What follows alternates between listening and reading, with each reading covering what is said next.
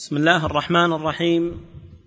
الحمد لله رب العالمين والصلاة والسلام على أشرف الأنبياء والمرسلين نبينا محمد وعلى آله وصحبه أجمعين. أما بعد قال الإمام البخاري رحمه الله تعالى كتاب الحج باب الوقوف على الدابة بعرفة. حدثنا عبد الله بن مسلمة عن مالك عن أبي النضر عن عمير مولى عبد الله بن العباس. مولى. مولى عبد الله. عبد الله عبد الله بن العباس. عن أم الفضل بنت الحارث أن ناسا اختلفوا عندها يوم عرفة في صوم النبي صلى الله عليه وسلم فقال بعضهم هو صائم وقال بعضهم ليس بصائم فأرسلت إليه بقدح لبن وهو واقف على بعيره فشربه. تقدم الحديث وتقدم شرحه وأن المشروع للحاج في عرفة أن لا يصوم يوم عرفة وأن يتفرغ لذكر الله وطاعته ودعائه سبحانه وتعالى وإنما يشرع صوم عرفة لمن لم يكن حاجا. وتقدم الحديث وهو ان أم هانئ رضي الله عنها أرسلت بالقدح إلى النبي صلى الله عليه وسلم بعد أن اختلفوا هل هو صائم أو ليس بصائم فشربه صلى الله عليه وسلم فعلموا أنه ليس بصائم. الشاهد منه للباب. هنا يقول باب الوقوف على الدابة. المقصود بالوقوف هنا رحمك الله ليس الوقوف بالقدمين لأن هذا غير ممكن وإنما أن يكون راكبا لدابته. ففي عرفة هل الأحسن أن يدعو وهو قاعد أو أن يدعو وهو على دابته؟ الشاهد من الحديث أن النبي صلى الله عليه وسلم لما شرب القدح شربه وهو واقف على بعيره عليه الصلاة والسلام. فدل على أن النبي صلى الله عليه وسلم كان في فترة عرفة لم يزل كذلك كما ورد في الحديث عند مسلم ثم ركب إلى الموقف فلم يزل واقفا حتى غربت الشمس. وهذا أرفق وأحسن وأهيأ للحاج وبه يعلم أن النهي عن اتخاذ هذه الدواب كراسي هو في حال كونها غير مطيقة. الله تعالى خلق هذه الدواب قادرة بإذنه تعالى على أن تحمل الإنسان. بل إنها قادرة بإذن الله على أن تحمل أكثر من شخص. فيردف الإنسان خلفه رجلا وربما أردف ثالثا. وهذه الدواب خلقت وهيئت للركوب كالإبل. فإنها بإذن الله تعالى تحمل الإنسان وتمضي به مئة الميل غير مكترثة به وغير مهتمة له لا يكرثها ولا يتعبها. فهي مخلوقة خلقة شديدة وهي من آيات الله سبحانه وتعالى. ومع ذلك فإنها تركب. لكن إذا وجد الضرر على الدابة فإنه لا يحل أن تركب بحيث تتضرر. فهذا هو الذي يحمل عليه النهي عن أن تتخذ كراسي هو في حال تضررها. أما إذا لم تكن متضررة فإنها تترك. فإنها تركب لا إشكال فيه. وهذا هو الشاهد أن النبي صلى الله عليه وسلم كان يوم عرفة راكبا على الدابة. نعم. باب الجمع بين الصلاتين بعرفة. وكان ابن عمر رضي الله تعالى عنهما إذا فاتته الصلاة مع الإمام جمع بينهما. وقال الليث حدثني عقيل عن ابن شهاب قال أخبرني سالم أن الحجاج بن يوسف عام نزل بابن الزبير رضي الله عنهما سأل عبد الله رضي الله تعالى عنه كيف تصنع في الموقف يوم عرفة؟ فقال سالم إن كنت تريد السنة فهجر بالصلاة يوم يوم عرفة. فقال عبد الله بن عمر إنه صدق. إنهم كانوا يجمعون بين الظهر والعصر في السنة. فقلت لسالم أفعل ذلك رسول الله صلى الله عليه وسلم؟ فقال سالم وهل يتبعون بذلك إلا سنته؟ عليه الصلاة والسلام. المشروع في عرفة أن تجمع الصلاتان فتجمع صلاة الظهر والعصر معا ويخطب خطبة وخطبته صلى الله عليه وسلم عرفه خطبة عظيمة جدا. لا تسمع بعدها خطبة أبدا إلى قيام الساعة. خطبة عظيمة جدا بين فيها عليه الصلاة والسلام للناس مناسكهم ووعظ الأمة وحثها وحذرها من أمور وبين أحكام النساء وحقوقهن وبين ونهى عليه الصلاة والسلام عن الاختلاف والاقتتال وأن يضرب بعضهم رقاب بعض. فهذا هو المشروع أن تجمع الصلاتان صلاة الظهر وصلاة العصر ثم يتفرغ المؤمن للدعاء والذكر إلى غروب الشمس. ظل صلى الله عليه وسلم واقفا حتى غربت الشمس. يدعو ربه تبارك وتعالى فهو يوم عظيم من أيام الله التي ينبغي استغلالها وأن يقبل فيها على الدعاء. كان ابن عمر رضي الله عنه إذا فاتته الصلاة مع الإمام جمع بينهما. من أهل العلم من قال إن الجمع هذا نسك لا بد منه. ومنهم من يقول إن الجمع بين الصلاتين هو خاص بالمسافر. ما فرق المسألة؟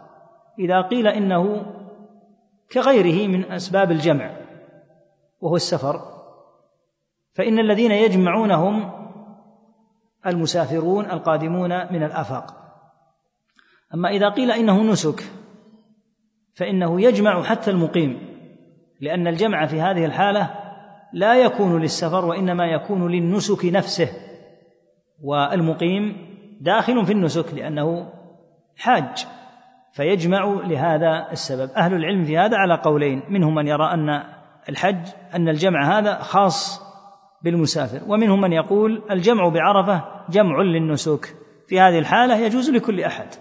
من المقيمين ومن غيرهم. ولهذا جاء عن ابن الزبير رضي الله عنه أنه قال إن, إن من سنة الحج.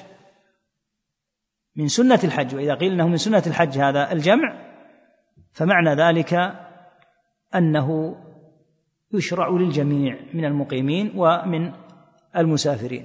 ابن عمر رضي الله عنهما إذا فاتته الصلاة مع الإمام ولم يتمكن لأنه قد قد لا يتتمكن من الصلاة مع الإمام يوم عرفة. لكثرة الناس الناس بالأعداد الهائلة بالألوف المؤلفة. فكان ابن عمر رضي الله عنهما إذا فاتته الصلاة مع الإمام جمع بينهما. ثم ذكر الحديث السابق ويأتينا أيضا وسبق شرحه وهو أن ابن عمر رضي الله عنهما جعله عبد الملك ابن مروان أميرا على الأمير في الحج. الأمير هو الأمير الظالم المعروف الحجاج بن يوسف. وهي في السنة التي حج فيها بالناس وقتل ابن الزبير رضي الله عن الزبير وابنه. فكتب إليه عبد الملك أن المسؤول عن الحج هو ابن عمر وأن عليه أن يتبع ابن عمر في أمر الحج. ولهذا قال بعضهم إن الحجاج قتل ابن عمر رضي الله عنهما لهذا السبب. قالوا إنه آه، أتبعه رجلا معه حربة فألصق الحربة كأنه لا يدري يعني ألصق الحربة في رجل ابن عمر رضي الله عنهما حتى آه، لزقت بالركاب أو نحوه ثم توفي رضي الله تعالى عنهما من آثارها وهذا يدل على ما عند هذا الأمير الظالم من التجبر والتعدي. ومع ذلك كان الصحابة رضي الله عنهم يأمرون بالصبر على جورهم وعلى تعديهم إبقاء للجماعة. وإلا فهذا متعدي وظالم. ومن ظلمه قتله لابن الزبير رضي الله عنهما إن قاتل ابن الزبير رضي الله عنهما حتى استمكن منه ثم صلبه صلبا عياذا بالله مع أنه صحابي. وهكذا ما ذكر عن قتله لابن عمر ومع ذلك كانوا يتصبرون حتى لا ينفرط عقد الجماعة ويتحملون شيئا كثيرا من الأضرار الشخصية لأن الضرر الشخصي هذا يتحمل ويتصبر فيه. أما دمار الجماعة فأمره خطير جدا ولهذا كان مثل هذا الظالم موجودا وأضرابه وهم موجودون يوجدون دائما فالواجب التحمل والتصبر حتى لا تضيع وتنفرط الجماعة لأجل ظلم ظالم وتعدي متعدي. فأمره ابن عمر رضي الله عنهما أن يبكر وأتاه في الفترة التي وقف فيها النبي صلى الله عليه وسلم كان الحجاج يريد النوم والاستراحة يوم عرفة لا يعرف الأحكام. فأمره أن أن أن يخرج الآن. فقال في هذه الساعة قال نعم في هذه الساعة إن كنت تريد السنة. ثم إن سالما وسالم هو ابن عبد الله بن عمر نبهه إلى أنهم يجمعون الصلاة. وأمره أيضا أمره أيضا أن يقصر من الخطبة لأنهم كانوا يخطبون خطبا طويلة جدا حتى يخرج وقت صلاة الظهر. فأخبره بالسنة.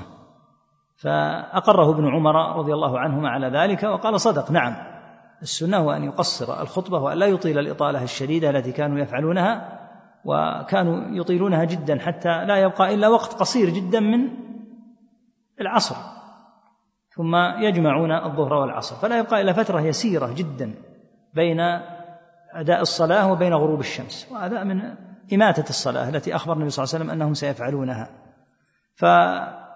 فلما سئل سالم وهذه فائدة جليلة جدا لطالب العلم.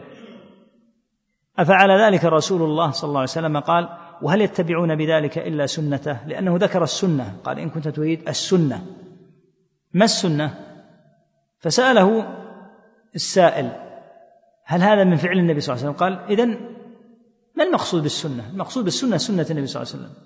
إذا قال الصحابي من السنة؟ فمقصوده سنة النبي صلى الله عليه وسلم. وإلا سنة من؟ ولهذا إذا قال الصحابي من السنة فهو رفع للحديث.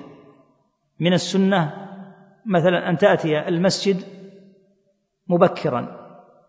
مراده قول النبي صلى الله عليه وسلم لو يعلمون ما في فيهما لأتوهما ما, ما في النداء والصف الأول لأتوهما ونحو ذلك. هذا المقصود. المقصود بالسنة دائما إذا أطلقت من قبل الصحابي أن المقصود سنة النبي صلى الله عليه وسلم. وهكذا إذا قال التابعي فإنه يقصد سنة النبي صلى الله عليه وسلم. نعم. أحسن الله إليك. باب قصر الخطبة بعرفة. حدثنا عبد الله بن مسلمة قال أخبرنا مالك عن ابن شهاب عن سالم بن عبد الله أن عبد الملك ابن ابن مروان كتب إلى الحجاج أن يأتم بعبد الله بن عمر رضي الله تعالى عنهما في الحج. فلما كان يوم عرفة جاء ابن عمر رضي الله عنهما وأنا معه حين زاغت الشمس أو زالت فصاح عند فسطاطه أين هذا؟ فخرج إليه فقال ابن عمر الرواح. فقال الآن؟ قال نعم. قال أنظرني أفيض علي ماء. فنزل ابن عمر رضي الله عنهما حتى خرج فسار بيني وبين أبي فقلت إن كنت تريد أن تصيب السنة إن كنت تريد أن تصيب السنة اليوم فأقصر الخطبة وعجل الوقوف. فقال ابن عمر صدق. ذكر رحمه الله تعالى قصر الخطبة بعرفة والخطبة من حيث العموم ينبغي أن تكون قصيرة. الخطب ينبغي أن أن تكون قصيرة والقصر نسبي ليس معناه أن تكون مثلا مدة ثلاث دقائق أو أربع دقائق. ليس المقصود أن تكون قصيرة على وقت محدد. ليس هذا مرادا. لكن ينبغي أن يلاحظ الخطيب أن تكون خطبته قصيرة. وفي قصر الخطبة كما قال عليه الصلاة والسلام إن قصر خطبة الرجل وطول صلاته مئنة من فقهه. فمن فقه الخطيب أن أن تكون خطبته قصيرة.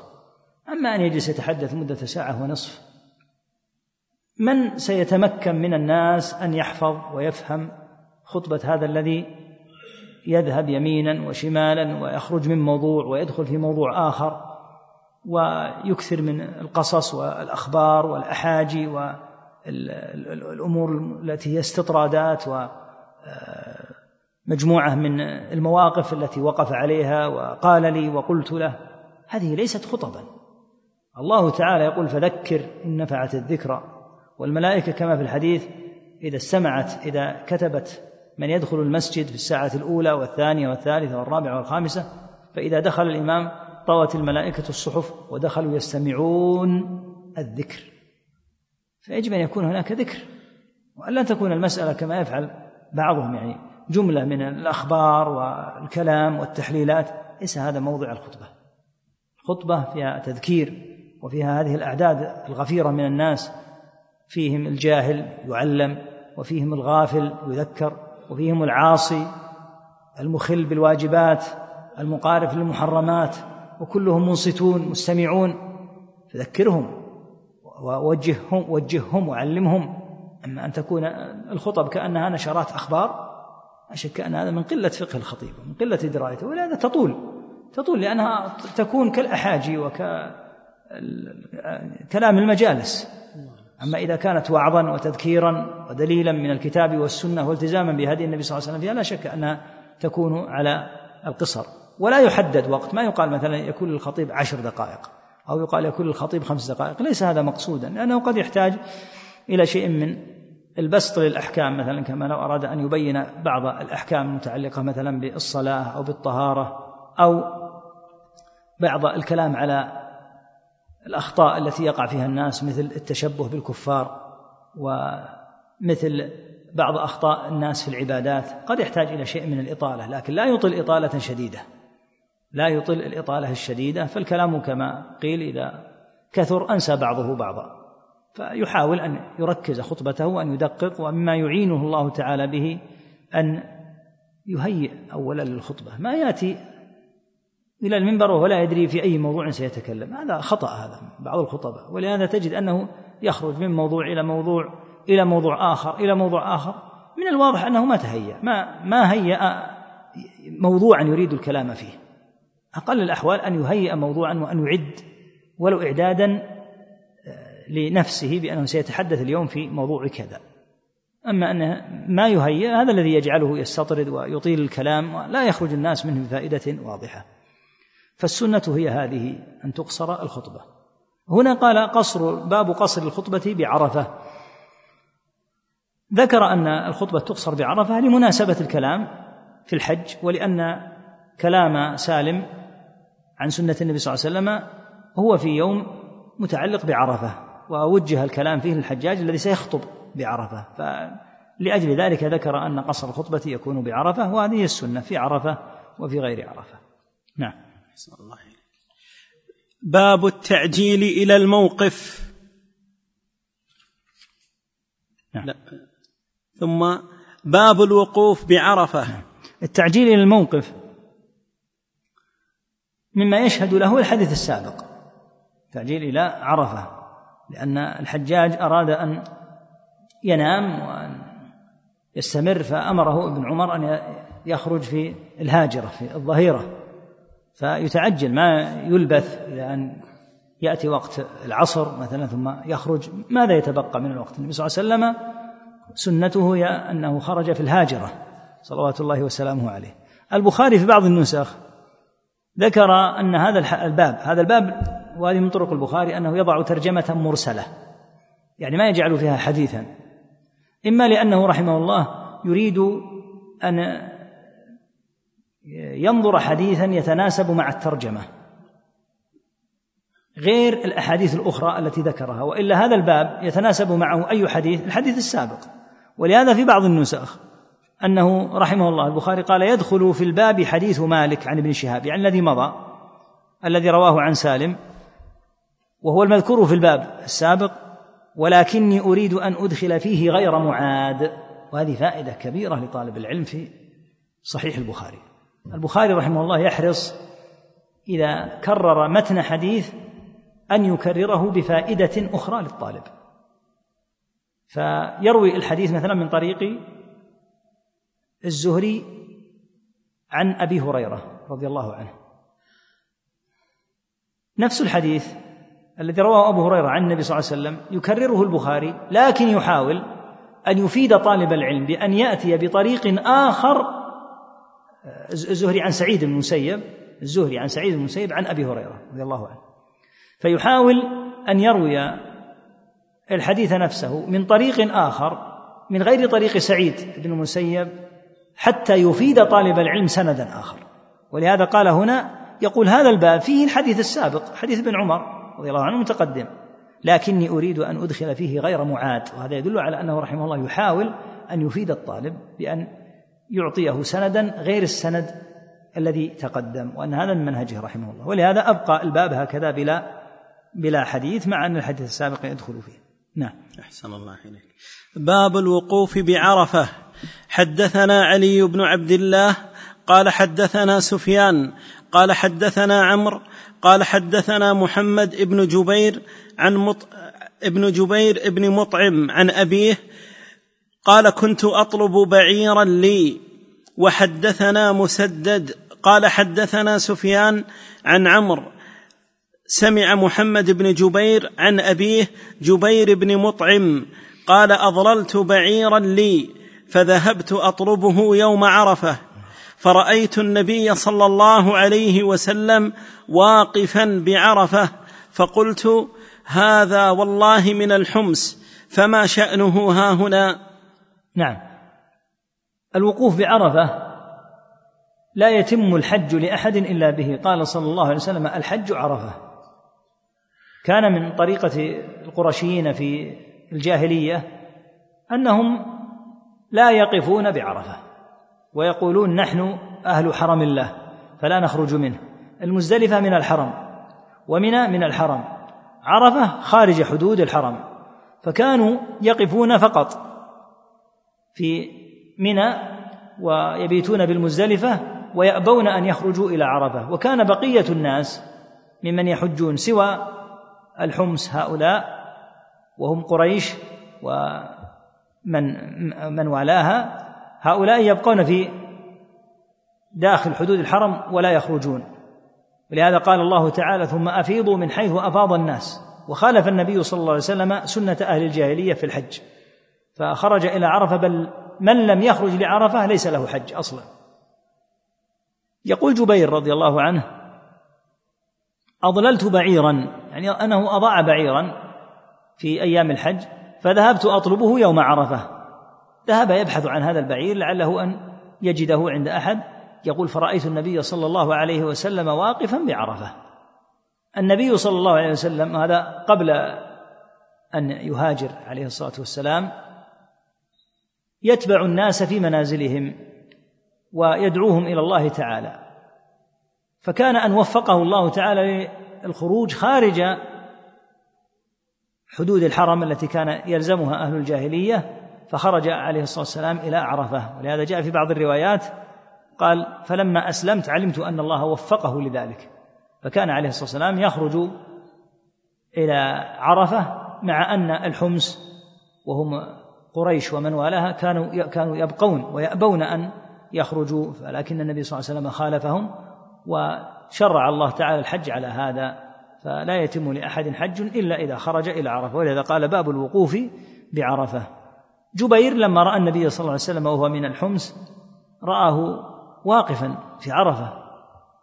قال هذا والله من الحمص فما شأنه ها هنا؟ يعني ما الذي يبقيه؟ لماذا لا يكون مع قومه وجماعته في داخل حدود الحرم فعلم أن الله تعالى وفق نبيه صلى الله عليه وسلم لهذا. نعم. الله حدثنا فروة ابن أبي المعر ابن أبي المغراء. مغراء. المغراء. قال حدثنا علي بن مسهر عن هشام بن عروة. قال عروة كان الناس يطوفون في الجاهلية عراة إلا الحمس والحمس قريش وما ولدت وكانت الحمس يحتسبون على الناس يعطي الرجل الرجل الثياب يطوف فيها وتعطي المرأة المرأة الثياب تطوف فيها فمن لم يعطه الحمس طاف بالبيت عريانا وكان يفيض جماعة من الن...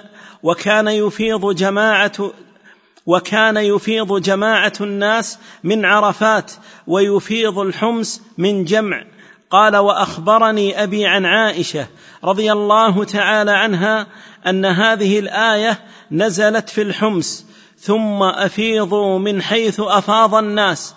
قال كانوا يفيضون من جمع فدفعوا إلى عرفات. نعم هذا مما ابتدعته أهل الجاهلية. كان الناس يطوفون في الجاهلية عراة عياذا بالله حول الكعبة إلا الحمس وهم قريش وما ولدت. قريش وما ولدت كان مما ولدت قريش قال خزاعة وبنو كنانة وبنو عامر. فهؤلاء يرون أن لهم وضعا خاصا للواحد منهم أن يطوف بثيابه. لكن من يأتي من الآفاق من غير الحمص هؤلاء لا يطوف عياذا بالله إلا عاريا. إلا في حالة كون الرجل من الحمص يعطي الرجل الذي أتى من الآفاق يعطيه ثوبه فإذا أعطاه ثوبه طاف فيه.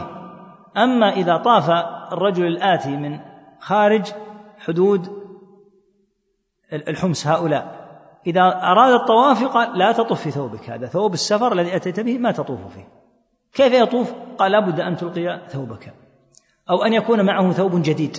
قال لكن ثوبك أنت ما تطوف به بدعة جاهلية خرافة من الخرافات. لا أساس لها. لهذا قال تعالى يا بني آدم خذوا زينتكم عند كل مسجد.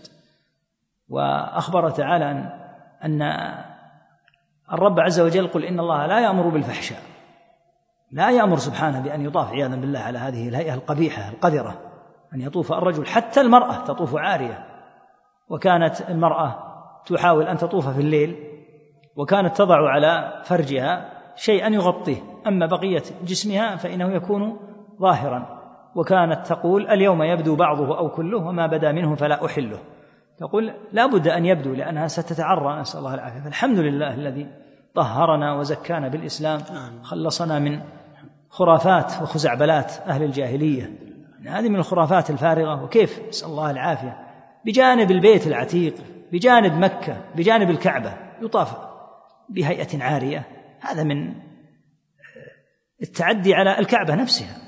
ومن تقدير الموضع وتدنيسها أن تطوف الأفواج الهائلة عارية نسأل الله العافية والسلامة هذا من البدع. الجاهلية بدعها كثيرة ولهذا من مضى في بدعه وضلالاته فإنه يكون قد استنى بأهل الضلال وترك السنة يكون سنة الجاهلية. قال وكان الرجل منهم يعني يعطي الرجل يعني الرجل من الحمص يعطي الرجل إذا أراد مثلا قد يكون صديقا له أو نحو ذلك يعطيه ثوبه فيطوف بثوب الواحد من الحمص هذا لا بأس به عليه ثوب رجل من الحمص يطوف لا إشكال. هكذا صرحوا له. وهكذا تعطي المرأة المرأة الثياب تطوف فيها. فإن لم يعطه الحمص طاف بالبيت عريانا. قال وكان يفيض جماعة الناس من عرفات. الناس كلهم يفيضون من عرفات. أما الحمص فيبقون في جمع في مزدلفة لا يفيضون. آه، في في منى لا يفيضون منها. يبقون فيفيضون لاحقا من أو أو من, أو من مزدلفة لكن لا يفيضون من عرفة. فأمرهم الله عز وجل بأن يفيضوا من حيث أفاض الناس. قال تعالى ثم أفيضوا من حيث أفاض الناس وأمر بالوقوف بعرفة ولم يصح لأحد حج إلا إذا وقف بعرفة. والله تعالى أعلم. نعم. نقرأ في العقيدة شيخ. نقرأ في العقيدة. نعم.